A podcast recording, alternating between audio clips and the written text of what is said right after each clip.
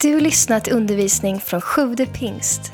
Vi hoppas att Guds ord ska tala in i ditt liv och fördjupa din relation med Jesus. Besök gärna vår hemsida, www.sjuvdepingst.se. Ni kan stå kvar så läser vi bibelordet. Ifrån Matteus kapitel 3 och vers 1. Vid den tiden trädde Johannes döparen fram och predikade i Judeens öken och sa Omvänd er, till himmelriket är nära. Om honom heter det hos profeten Jesaja, en röst ropar i öknen, bana väg för Herren, gör stigarna raka för honom. Johannes bar kläder av kamelhår och hade ett läderbälte om livet och hans mat var gräshoppor och vildhonung. Jerusalem och hela Judeen och hela landet kring Jordan kom ut till honom och de bekände sina synder och döptes av honom i floden Jordan. Men när han såg att många fariseer och saduceer kom för att bli döpta av honom sa han till dem, ni huggormsyngel, vem har fått er att tro att ni kan fly undan den kommande vredesdomen? Bär sådan frukt som hör till omvändelsen. Och tro inte att ni kan säga till er själva, vi har Abraham till fader. Jag säger er att Gud av dessa stenar kan uppväcka barn åt Abraham. Redan är yxan satt till roten på träden.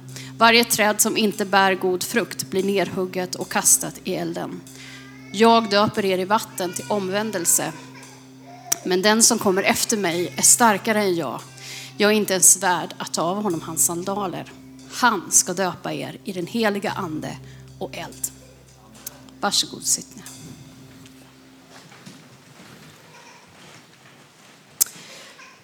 Johannes.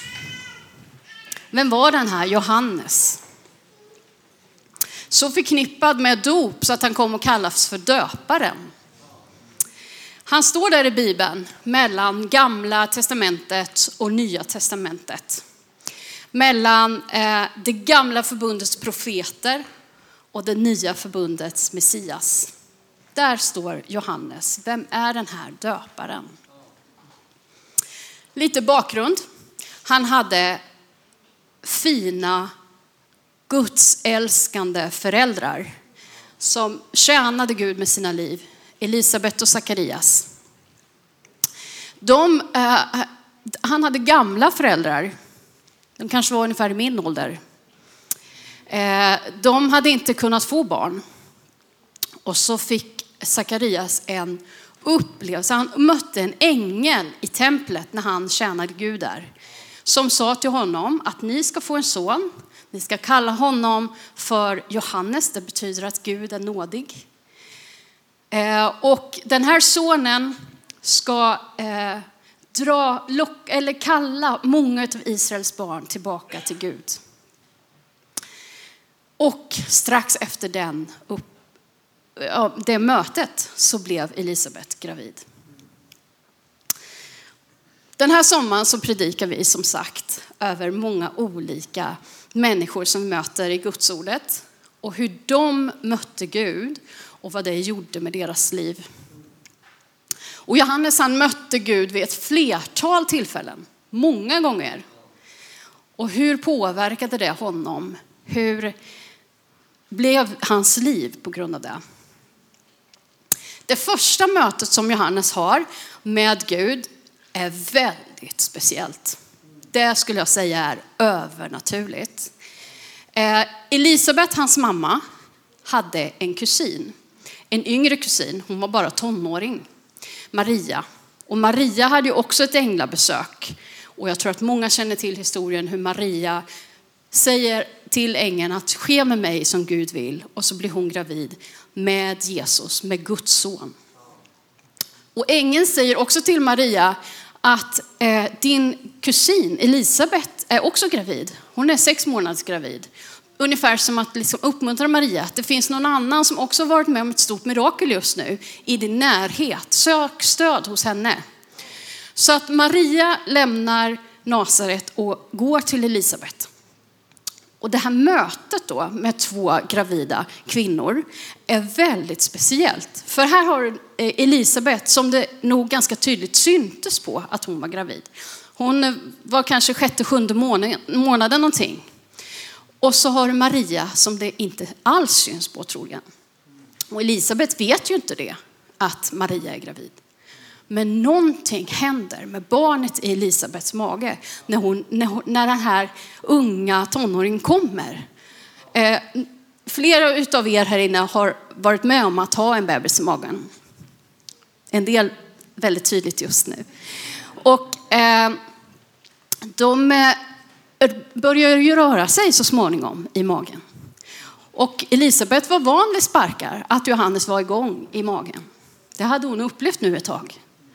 Men det är som att något särskilt händer i mötet med den här ah, hon förstår att det vilar ett barn inne i Marias mage som är Messias. Därför att reaktionen på barnet i hennes mage är så stark. Och det sa faktiskt ängeln till Sakarias. Ängeln sa till Sakarias att det här barnet, Johannes, kommer att redan i moderlivet bli fylld av den heliga ande. Så något märkligt, övernaturligt, fantastiskt händer i den här graviditeten. Som också då, vi inte riktigt vet, men det får garanterat betydelse för Johannes liv. Det var första mötet med Gud redan i moderlivet. En jubel över att Messias är på väg. Det spritter till ett litet barn i magen. Jesus kommer. Sen tror jag att Johannes och Jesus möttes möttes lite då och då under deras uppväxt. De var sysslingar, de bodde rätt så nära varandra och de var jämngamla i ålder. Så det, det, det är lite spekulation från min sida, okej, okay. men jag tror det.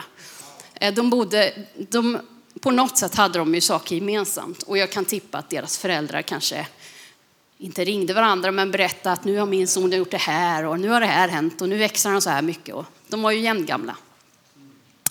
Och jag tror att möten med Gud, också i våra liv, inte alltid behöver vara så här äh, att foster spritter till, att det blir liksom såna här jättestora eh, mirakelhändelser. Utan möten med Gud är också ganska vardagliga.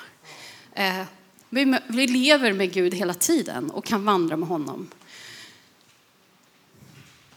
Johannes eh, vandrade i, för övrigt mycket av sin tid i öknen. Eh, det står i Lukas, vi kan läsa det, i Lukas kapitel 1 eh, och vers 80 så står det om, där, där har det talats om Johannes. Och i vers 80 så står det att barnet Johannes, han växte upp och blev starkare i anden. Och han vistades i ödetrakter fram till den dag då han skulle träda fram inför Israel. Han spenderade alltså mycket tid i öknen, i ödetrakter.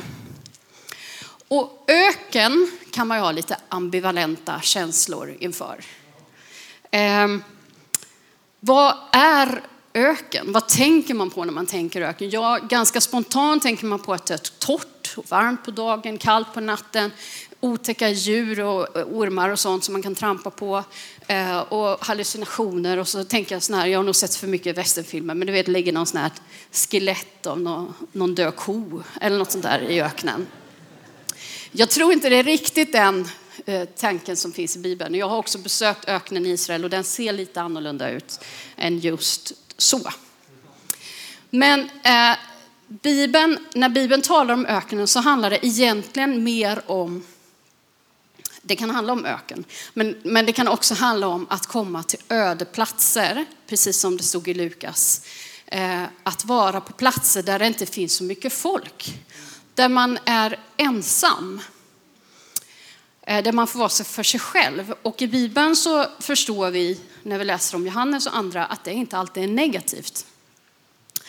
Johannes drog sig undan och levde i ensamhet och som Lukas skrev blev starkare i anden. Jesus, ser vi på hans liv, så ser vi att han också gjorde det ofta. Hade han varit väldigt engagerad i tjänsten och mycket hade hänt runt omkring honom, då drog han sig undan till öde trakter. Och så, precis innan han ska dö så tar han några av sina lärjungar och går till en plats där det inte är så mycket folk för att liksom få vara för sig själv. Det hebreiska ordet för öken är midbar. Och om man bryter ner det bokstavligen och översätter det så betyder det ordets plats. Och det tycker jag är lite fascinerande. Öknen är platsen för ordet. När Jesus till exempel eh, hade blivit döpt av Johannes och gick ut i öknen, eh, då blev han frestad av djävulen. Eh, ganska tuffa frestelser, men då använde han ordet. Det var ordet som skyddade honom i den frestelsen. Det var ordet som gjorde honom stark. Det var ordet som liksom, han hade ordet nära sig i öknen och gjorde att han segrade. Det verkar som den här tiden i öknen som vi kanske ibland när vi tänker att det är öken i mitt liv, det är torrt och det är tråkigt, jag är ensam, jag tycker det är svårt. Att den tiden faktiskt kan vara något positivt också. Det kan få vara en tid då Gud får möjlighet att komma in lite närmare. Hans ord kan få komma närmare oss och vi kan höra honom kanske lite mer tydligt. Det finns eh, en berättelse om en profet i Bibeln som hette Osea. Det är en lång historia, jag ska inte ta den, men det finns ett fascinerande bibelord där Gud säger eh, hur han ska ta den trasiga, syndiga människan ut i öknen för att där tala till hennes hjärta. Ordets plats. Ute där man liksom blir avskild. När det inte är så mycket röster runt omkring, när det inte är så mycket annat som händer. I ensamheten som vi ibland kan frukta. Där kan Gud få tala. Och få hela och få visa oss riktning. Johannes han spenderade mycket tid i öknen och jag tror att det var en tid av förberedelse, en tid av utmaningar, en tid av att få vara på ordets plats. Och sen börjar Johannes sin tjänst. Och det står väldigt eh, tydligt i Bibeln. Och jag tror att eh, jag tror att det också givetvis var ett möte som Johannes hade med Gud, en tydlig inriktning. Nu är det dags att du börjar tala. Nu får du träda fram. Han, han hade ju liksom varit där och ägnat tid i öknen under ganska lång tid. Men så är det som att Gud trycker på Johannes att nu, sätt igång, tala, berätta om vem jag är och få folk omvända sig till mig. Det speciella med Johannes, det här är någonting som vi inte alltid, jag tänker inte alltid på det, men han är väldigt väl omskriven i Bibeln. Eh, vem Johannes är och dopet som han, eh, när han döper Jesus, det finns med i alla fyra evangelierna. Detta kan vi jämföra då med till exempel Jesu födelse som bara är med i Matteus och Lukas, i två av evangelierna. Medan Johannes beskrivs i alla. Det är också, vi skulle kunna läsa i, också i Lukas, i kapitel 3, från första versen. Under kejsar Tiberius femtonde regeringsår, när Pontius Pilatus var landshövding över Judeen, Herodes landsförste över Galileen, hans bror Filippus över Iturien och Trakonitislandet och Lysanias, Lysanias över Abilene och när Hannas och Kajfas var överstepräster. Då kom Guds ord till Sakarias son Johannes i öknen. Och han gick omkring i hela trakten vid Jordan och förkunnade omvändelsens dop till syndernas förlåtelse. Kanske var det så att jag tappade några av er där i början på versen. Eh, vad är detta för ett rabblande av personer och platser? Jo, författaren här, han, nu träder Johannes fram.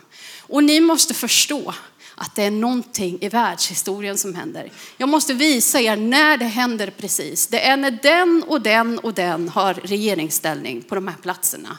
Och när den är präst där. Det är som att han vill verkligen markera, nu händer det. Och det här har någonting viktigt i vår världshistoria. Så han vill liksom trycka på det. Eh, Johannes är, det är något speciellt med honom. Till och med Jesus, han säger när han talar om Johannes, så säger han, ingen född av kvinna var större än han. Och då, om någon har läst gamla testamentet, så finns det ju ett par rätt så stora figurer i gamla testamentet. Och ändå säger han, eller Jesus att Johannes var den största. Vem var denne döpare? Vad var det som var viktigt med hans tjänst? Han liknade ju gamla testamentets profeter i att kalla på folken till att omvända sig till Gud. Men det som är så speciellt med Johannes är ju att nu kan han, nu tidsbestämmer han. Han säger att han som kommer efter mig, han är större än mig. Nu, Messias finns här i tiden. Tiden är inne för Jesus, för Messias att träda fram. Det är nu det händer och därför är Johannes så otroligt viktig. Han blir ju på något sätt förelöparen. Den som banar väg som profetian sa. Han liksom blir bryggan mellan det gamla och mellan att Jesus kommer fram. Eh, och det är ju den stora, stora med Johannes. Han ger hopp till folket. Att nu, nu behöver vi inte längta och drömma längre efter Messias. Messias kommer efter Johannes. Och Johannes han predikar omvändelse på grund av detta. Messias är på väg. Det är dags för oss att vända om. Och det är precis samma förkunnelse som vi får ha idag, för Jesus kommer snart tillbaka. Och vi måste punktera om och om igen. Vänd om till Gud. Kom, följ Jesus. Det är vad Johannes gjorde. Omvänd er var hans stora budskap. Och ibland så tycker jag att vi i kyrkan har fått det här med omvändelse till lite, lite negativt. Alltså omvänd dig ifrån ditt gamla liv. Omvänd dig ifrån det här och det här. Sluta med det här. Medan Johannes predikar omvändelse till förlåtelse, till upprättelse, till befrielse, till Gud. Du kan bli omvänd för att få leva ett liv i frihet. Det är något gott att få bli omvänd till Gud. Och om du finns här som inte har sagt ditt ja till Jesus än och inte är omvänd till honom så är det här en bra dag. Det här är möjligheten att säga ditt ja till honom och du kan göra, jag ska tala lite till om Johannes och under den tiden kan du fokusera på Gud och ta emot honom i ditt hjärta där du sitter. Eller efteråt när vi tar en sång och, och du kan komma fram och få del i förbön. Eller när du går hem, det bästa med Jesus är, nej inte det bästa men det är en väldigt bra grej det är att han inte bor i en byggnad, utan han är med oss. Han går med dig hem och där kan du få ta emot honom i ditt liv. Gört. Jag sa i inledningen att man, kall, man kallade Johannes för döparen. Han var så förknippad med hur han, att han döpte människor. Och den om, när han förkunnade omvändelse så gjorde han det och så sa han låt döpa er så att den här omvändelsen blir synlig i era liv. Låt det markeras in i er kropp så att ni känner vattnet på er kropp. Nu har jag vänt om. Vi döper också i vår kyrka, men vårt dop och Bibeln undervisar om det är snäppet bättre än Johannesdopet. Därför vi blir döpta in i Kristus. Det kunde inte Johannes förkunna än, för Kristus hade ju ännu inte kommit. Men vi kan förkunna det. Och det är så stort att få bli döpt in i Kristus. Att få bli innesluten, precis som vattnet täcker hela min kropp, så täcker Kristus hela mig. Nu lever inte längre jag, utan nu lever Kristus i mig. Det är en sån befrielse, ett underbart evangelium. Jag går inte själv längre, jag är i Kristus. Omvändelse, pånyttfödelse, dop, efterföljelse. Det kan ju sägas vara till viss del bara en rad av saker som man ska gå igenom, men de hänger så intimt samman i våran tro. Det, det är så nära. Du vet, du kan inte vara, du kan inte bli född på nytt om du inte har vänt om. Du kan inte, eh, eh, du kan inte bli döpt om du inte är född på nytt. Du kan inte visa att du följer Jesus om du inte har gått dopets väg. Och efterföljelsen syns. Om du, att du är omvänd syns i din efterföljelse. Så det, allting hänger ihop hela tiden. Och alltihopa har med, har med din frälsning att göra. Ehm, och Johannes predikade omvändelse. Han var tuff mot dem som, som sa sig vara omvända. Alltså du vet de här ledarna på den tiden. Huggormsyngel sa han. Lite tufft ord. Att, bara attackera någon med. Därför att det syntes inte på deras liv att de var omvända. Och han säger att omvändelsen, ni måste bära den frukt som har med omvändelse att göra. Om du har tagit emot Jesus i ditt liv, då syns det. Eh, och det är, ingen sån här, det är ingen börda för oss att bära, utan när vi lever tillsammans med Kristus så kommer frukt att bäras. Eh, eh, Paulus talar om det i Galaterbrevet 5, hur andens frukt börjar växa i oss när vi vandrar med Gud, när vi vandrar i ande. Frukter av tålamod, glädje, frid, kärlek, självbehärskning och så vidare. Och så känner du bara ah, av, det är inte jättestarkt i mitt liv, eh, det här med tålamodet eller sådär. Nej, men det kanske finns någon liten, liten kart, ett litet, litet frö har börjat växa. Det kanske inte är moget än, men vad Gud vill se är att det finns frukt på ditt träd. Att det finns någonting som börjar växa. Vet ni, jag såg, det, ni vet ju hur det är i naturen just nu. Det är väldigt, väldigt torrt. Och jag cyklade förbi ett gäng träd eh, häromdagen. Eh, och de var jättetorra. Flera av löven var så här, vet, krispiga. Liksom. Man kände att de här ramlade av när som helst. Och alla de här träden var täckta med äpplen. Massor av äpplen på helt torra träd. Och tänkte jag så här, det är kanske någon som behöver höra det. Du kanske tycker att ditt liv är ganska torrt. Du kanske känner att jag har inte blivit jag längtar efter någon stark upplevelse med Gud, men det var länge sedan nu. Men jag försöker vara trogen, jag håller fast vid hans ord. Det är frukt på ditt träd. Och det kanske inte du ser, men andra ser det och Gud ser det. Och det är det som är det viktiga, att vi bär frukt som består, som, som liksom han får vara med och plocka från våra liv. Så kommer Jesus till Johannes där på stranden. Sysslingarna känner igen varandra. Här står de, två 30-åriga män möts liksom på stranden. Och Johannes vet direkt, nu är det Jesus. Han ska bli stor och jag ska bli liten. Nu är det han som ska ha ära, han ska bli störst. Messias står här på stranden. Det är han som gäller nu. Johannes han var ju ett namn på den här tiden. Han var en kändis. Han hade en stor plattform, mycket folk som kom till honom. Han har många följare som vi säger idag. Han, han var verkligen poppis. Eh, men han visste vad som gällde. Han skulle kunna, nej men jag gillar det här. Jag gillar ju att folk kommer till mig. De lyssnar ju på vad jag säger, de följer mig. De, jag får döpa hur många som helst. Men det var inte det viktiga för Johannes. Det viktiga var vem som kom efter honom. Och han pekar med hela sitt liv ända in i döden på Jesus. Och här tror jag att det är någonting som vi kanske behöver lära oss i vår individfokuserade värld. Vi kan läsa i Johannes eh, evangelium, en annan Johannes skrev något här. Eh, Johannes kapitel 3. Och så vers 26 och framåt. Det var ju till och med så att Johannes sa till sina lärjungar, ni kan följa honom nu. Sådana som var liksom hans närmaste krets. Ni behöver inte vara med mig, följ Jesus. Och då var det några av de här lärjungarna som hade gjort det. Och så kommer de tillbaka till Johannes, vers 26. De gick till Johannes och sa, Rabbi, han som var hos dig på andra sidan Jordan och som du vittnade om, han döper och alla går till honom. Johannes svarade, ingen människa kan ta emot något utan att det ges henne från himlen. Ni kan själva vittna om att jag sa, jag är inte Messias, jag är sänd framför honom. Brudgum är den som har bruden, men brudgummens vän som står där och hör honom gläder sig innerligt över brudgummens röst.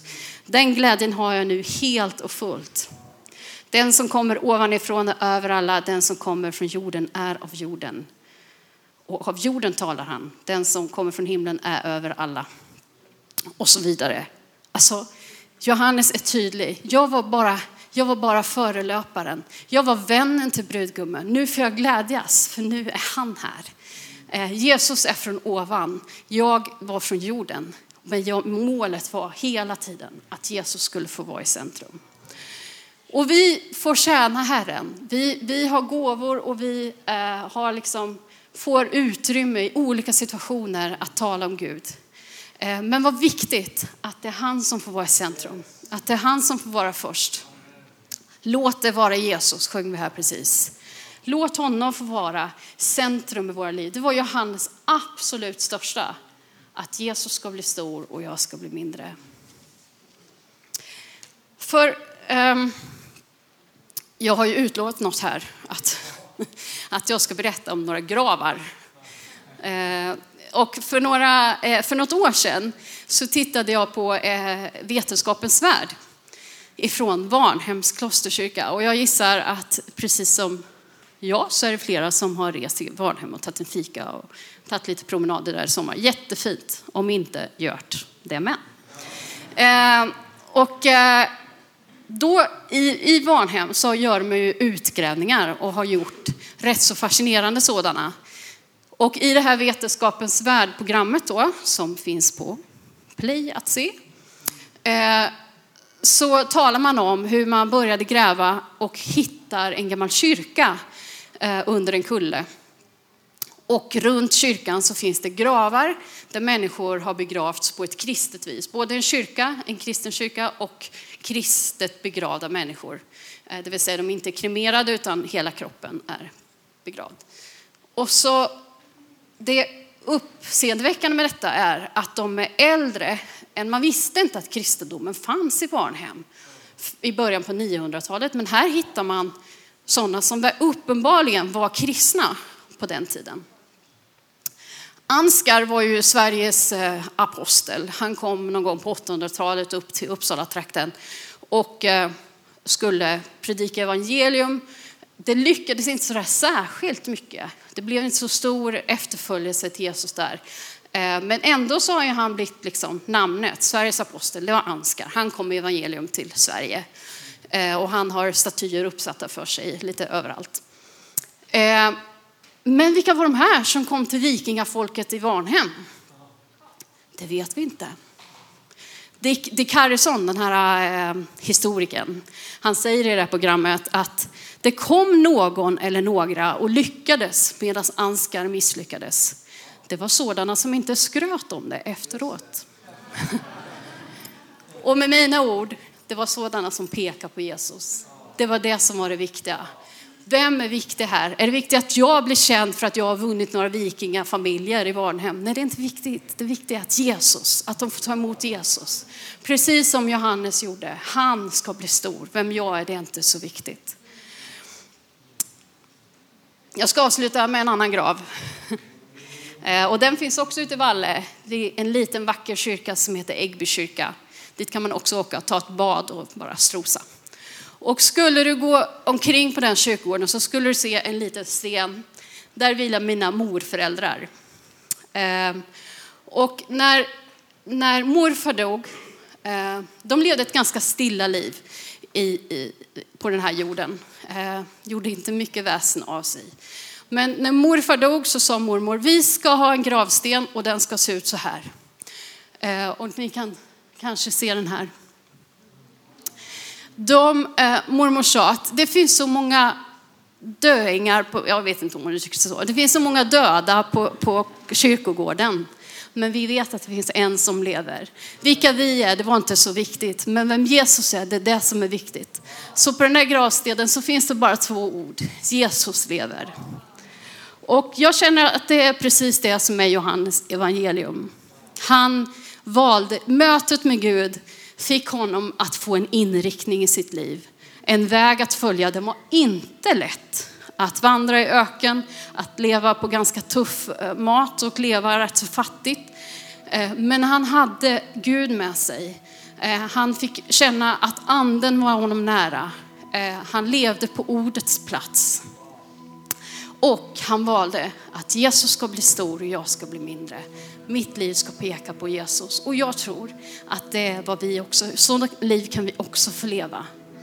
Och ändå, även om Johannes, det är det som är så fascinerande, även om Johannes hela tiden pekar på Jesus så ser vi i Bibeln hur stor han var.